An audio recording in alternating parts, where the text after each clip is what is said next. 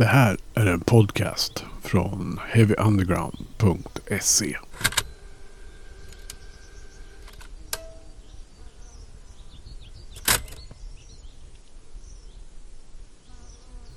Ännu en sommarvecka och ännu ett sommaravsnitt från Heavy Undergrounds podcast.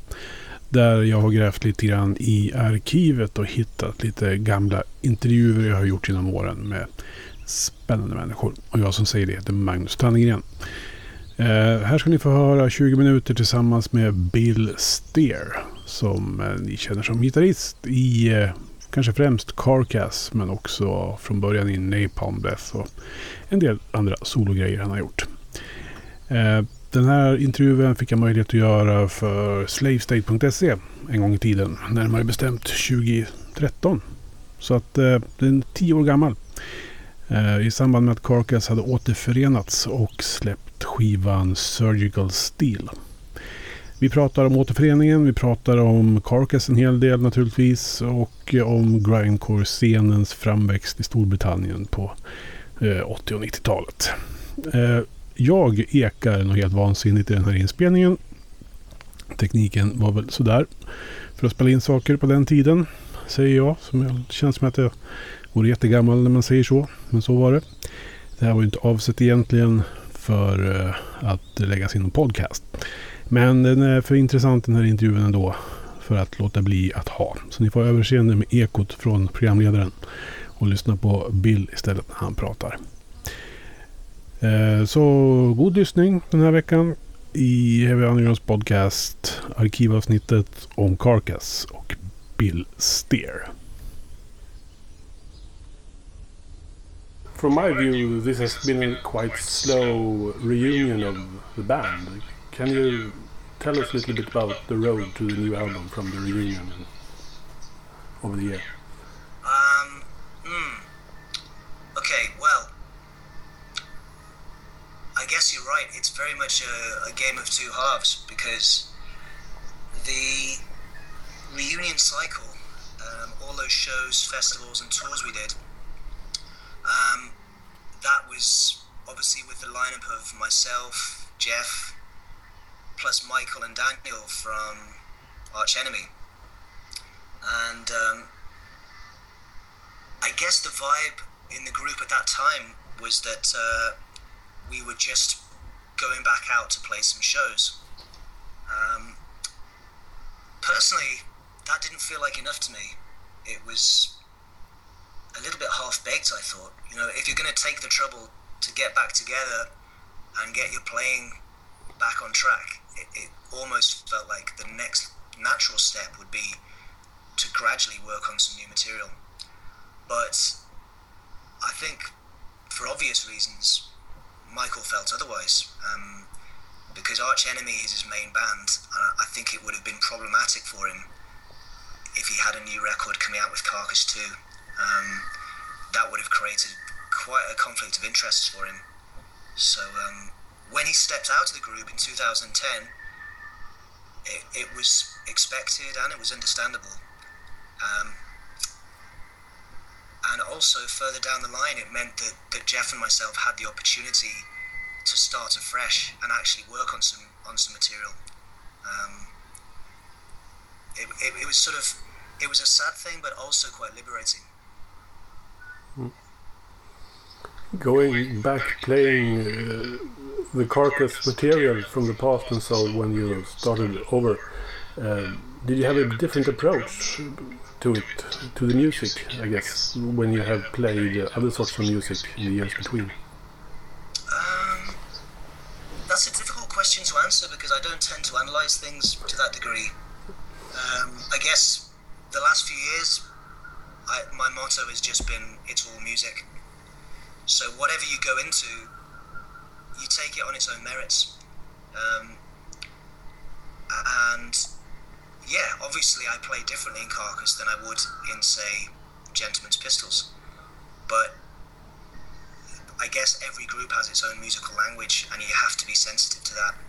Um, with Carcass, it, it's quite natural for me because I started the group and wrote quite a lot of material for it.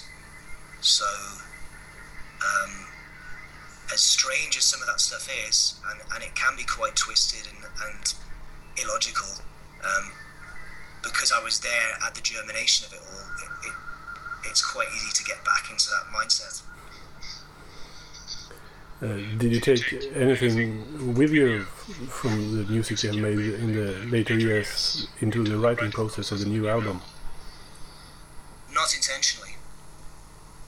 I mean, on some level, it might have informed what I've been doing. Because I think everything you experience in life, whether it's musically, socially, whatever, it stands a good chance of, of coming out in your music at some point down the line. Um, that's kind of what creativity is.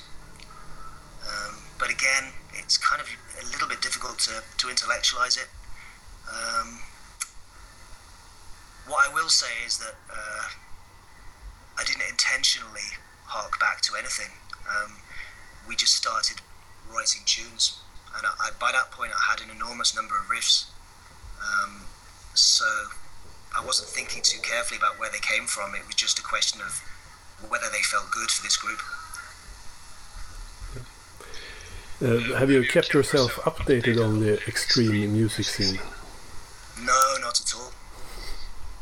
Why not? Um, if I'm really honest, I'm not. I'm not that interested. Um, from time to time, I do hear groups that very good, um, and there's no shortage of, of technically proficient musicians out there. Um, I just haven't heard many things that have grabbed me um, the way the old stuff does. Um, you know, yeah. I'm well aware that, that that's going to sound like a boring old fart who just thinks, you know, the early days were better, but um, that is genuinely how I feel. Um, if you're talking about extreme music, I don't think there's been much since to, to beat bands like Death or Repulsion. Um, and if you're looking at the classic metal, again, I mean, whether it's Budgie, Diamond Head, Mercyful Fate, um, I haven't heard much recently that can touch that. Uh, talking about the old days, what was it with the scene back then when all those bands and you came? Uh, what was it that happened in Britain by that time? Um, hmm, it's difficult to say really because uh, I guess you had a few different things going on. Um, if you were coming from the metal scene, as I was, um, it, everything seemed to be very polarized. Um, in the in the public eye, you had very successful, accessible groups like Bon Jovi in Europe, um, and then there was the underground stuff that, that myself and my friends liked, which was the furthest extreme away from that. Um, what we eventually found is that we ended up meeting the hardcore punk fraternity halfway. Um, I guess some of those people were opening themselves up to the, the harder elements of metal, and likewise, metal people were kind of entertaining the idea that some some punk wasn't bad after all. Um, so that's kind of how I look at that period, how it all kicked off. Then the big record companies wanted to make something more of it. Um, well, I mean, like for example, which ones are you thinking of? Uh, yeah, just in general, I think when they started uh, discovering uh, that it was a movement, so, so to speak. Yeah, I mean, I guess that's further down the line. I mean, the, the initial period was, yeah, very underground. I mean, a label like Earache was really a bedroom kind of operation that eventually found a small office, yeah. and uh, it it just took on a life of its own. Um, yeah, spin forward a few years, and you have a bizarre situation like Carcass releasing an album through a major label on, on in the United States. Um, so none of us could have really foreseen that. Um, it was very odd. Yeah. Uh, what got you in personally into the, playing such extreme music? It was a very natural progression for me because I had grown up listening to, to hard rock and heavy metal, and um, as I got a little bit older, I mean, I guess around 13, 14, I was very focused on the new wave of British heavy metal. Um, to me, those were the most exciting bands because it was brand new and it, it kind of spoke to me as a kid. Um, I think it was, there was something about it that was it was so grassroots. Um, there was a down to earth quality that maybe some of the bigger bands didn't have, and, and that's why I was relating to this more. So you know, bands like Fist and Tank and Raven, it, it was really exciting. Um, when Venom appeared, that opened up a whole new universe, of course. And then before you knew it, you had stuff like Metallica and Slayer. So all of this was just a, a natural progression for people like me. Mm. And then gradually you're into tape trading, and, and that's the beginning of the death metal scene as we know it. You and Jeff have been playing this band all the time. And what can you describe you and your and Jeff's relationships as musicians and as people, perhaps? Yeah, we, we have known each other for a very long time. Um, we met as teenagers, and uh, I guess it was such a small thing in those days. This this genre of music. It was a very small network of people across the country, and then across different parts of Europe and the States, and it's not it wasn't quite like everybody knew each other but you at least only had a degree of separation between yourself and anybody else in the scene. It was very closely knit. Um, so in merseyside where we were both living at the time this tiny group of people um, had to just stick together because there weren't many of us who liked this kind of music so that's how i began to know him and uh, yeah, once once he took his place in Carcass, that's really the beginning of the group that people know now because he's he's such a creative force, he, a very unique character um, creatively, you know, and he's very much made the visual and the lyrical side of the band his own. Um, and as friends, yeah, I mean, it's kind of it's an interesting relationship because we are very different as people, but I guess that's why it works. We do seem to complement each other. Um, and um, it was a hell of a buzz working on the material for this album. Um, I don't know, I felt a real sense of harmony and flow when, when we were doing this stuff. Um, I'd bring a bunch of a bunch of riffs and, and parts for a song, and we'd work on arrangements, and then Jeff would have some very radical ideas that took stuff in, in an unexpected direction. But it's very exciting. Yeah. Tell me a little bit more about the new album. What can we expect? Okay, so I'm assuming then you haven't heard it. I just heard one song. Uh, oh, okay, right. Because uh, most of the people I've spoken to the last couple of weeks have been sent something or other, like, I don't know, a CD or whatever. Yeah, it's coming, I heard. um, yeah, so, uh, but of course, yes, there was one song leaked recently. Um, in a way, that that's that song, "Captive Bolt Pistol," is a reasonably good flagship for the album. Um, it's very hard to pick one song as being representative because I think the the scope of the album is quite wide. But if we had to pick one thing as a taster, I reckon that's that's a pretty good one because it's very brutal. There's some very twisted riffing, some incredible drumming, obviously, um, and it's Jeff's angry vocal performance that just makes it. Um, yet there is also some melody in the middle, um, so you do have a sense of relief briefly in the track. Um, one thing I've heard repeatedly from the people who have actually checked out the album so far has been um, the feeling that most people believe it to be quite close in style to the middle period of the group, which would be necroticism and heartwork. Um, that wasn't really the intention because we didn't go about this in a very calculated way. We just wrote a lot of material and worked hard. But listening back to the album now, I, I kind of agree with those people. I think more than anything, that's where the bulk of the material is leaning towards. Although there would certainly be elements from the earlier material too, and a little bit perhaps of the, the last record. Uh, you mentioned uh, the new members in the band. How did you integrate them into this uh, entity that is Carcass? Well, first off, I'd have to say the album was recorded as a three piece. Um, so that was just Jeff Walker, Dan Wilding, our new drummer, and myself.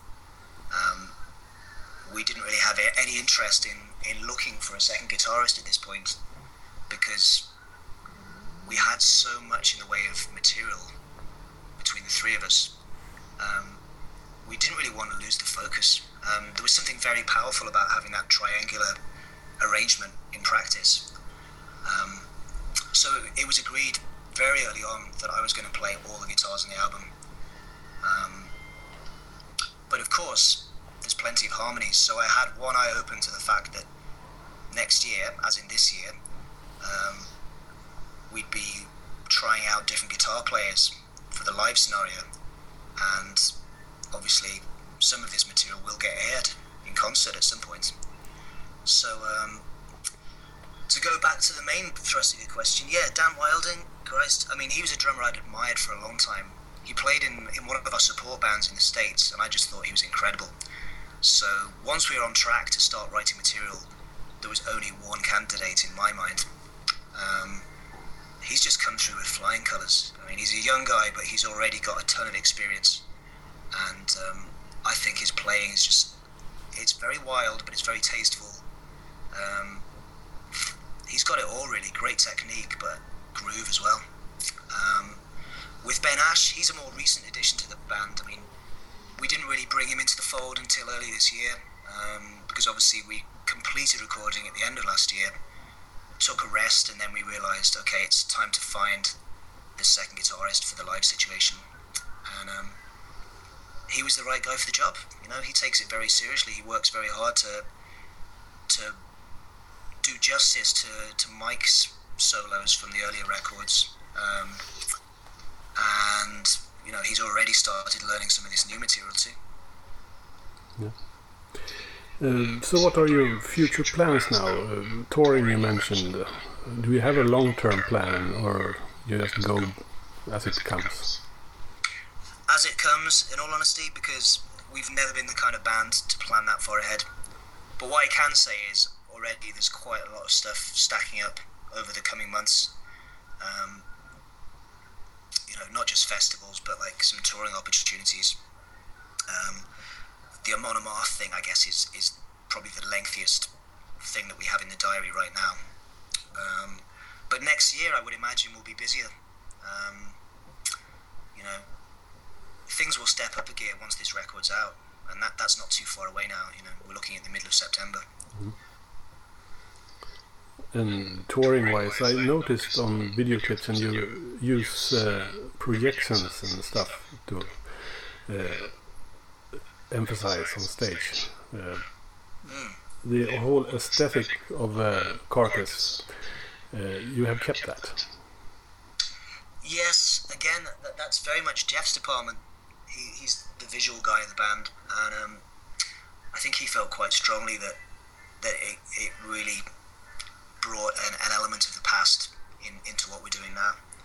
Um, it's funny because when we're playing, I'm often oblivious to what's going on behind me. It's quite easy to forget that you have the projections. Yeah. And the whole artwork of the album is consistent with the earlier works, I guess. Yeah, that, that was very much the intention. Um, Jeff spent quite a lot of time arranging um, that that particular bunch of tools.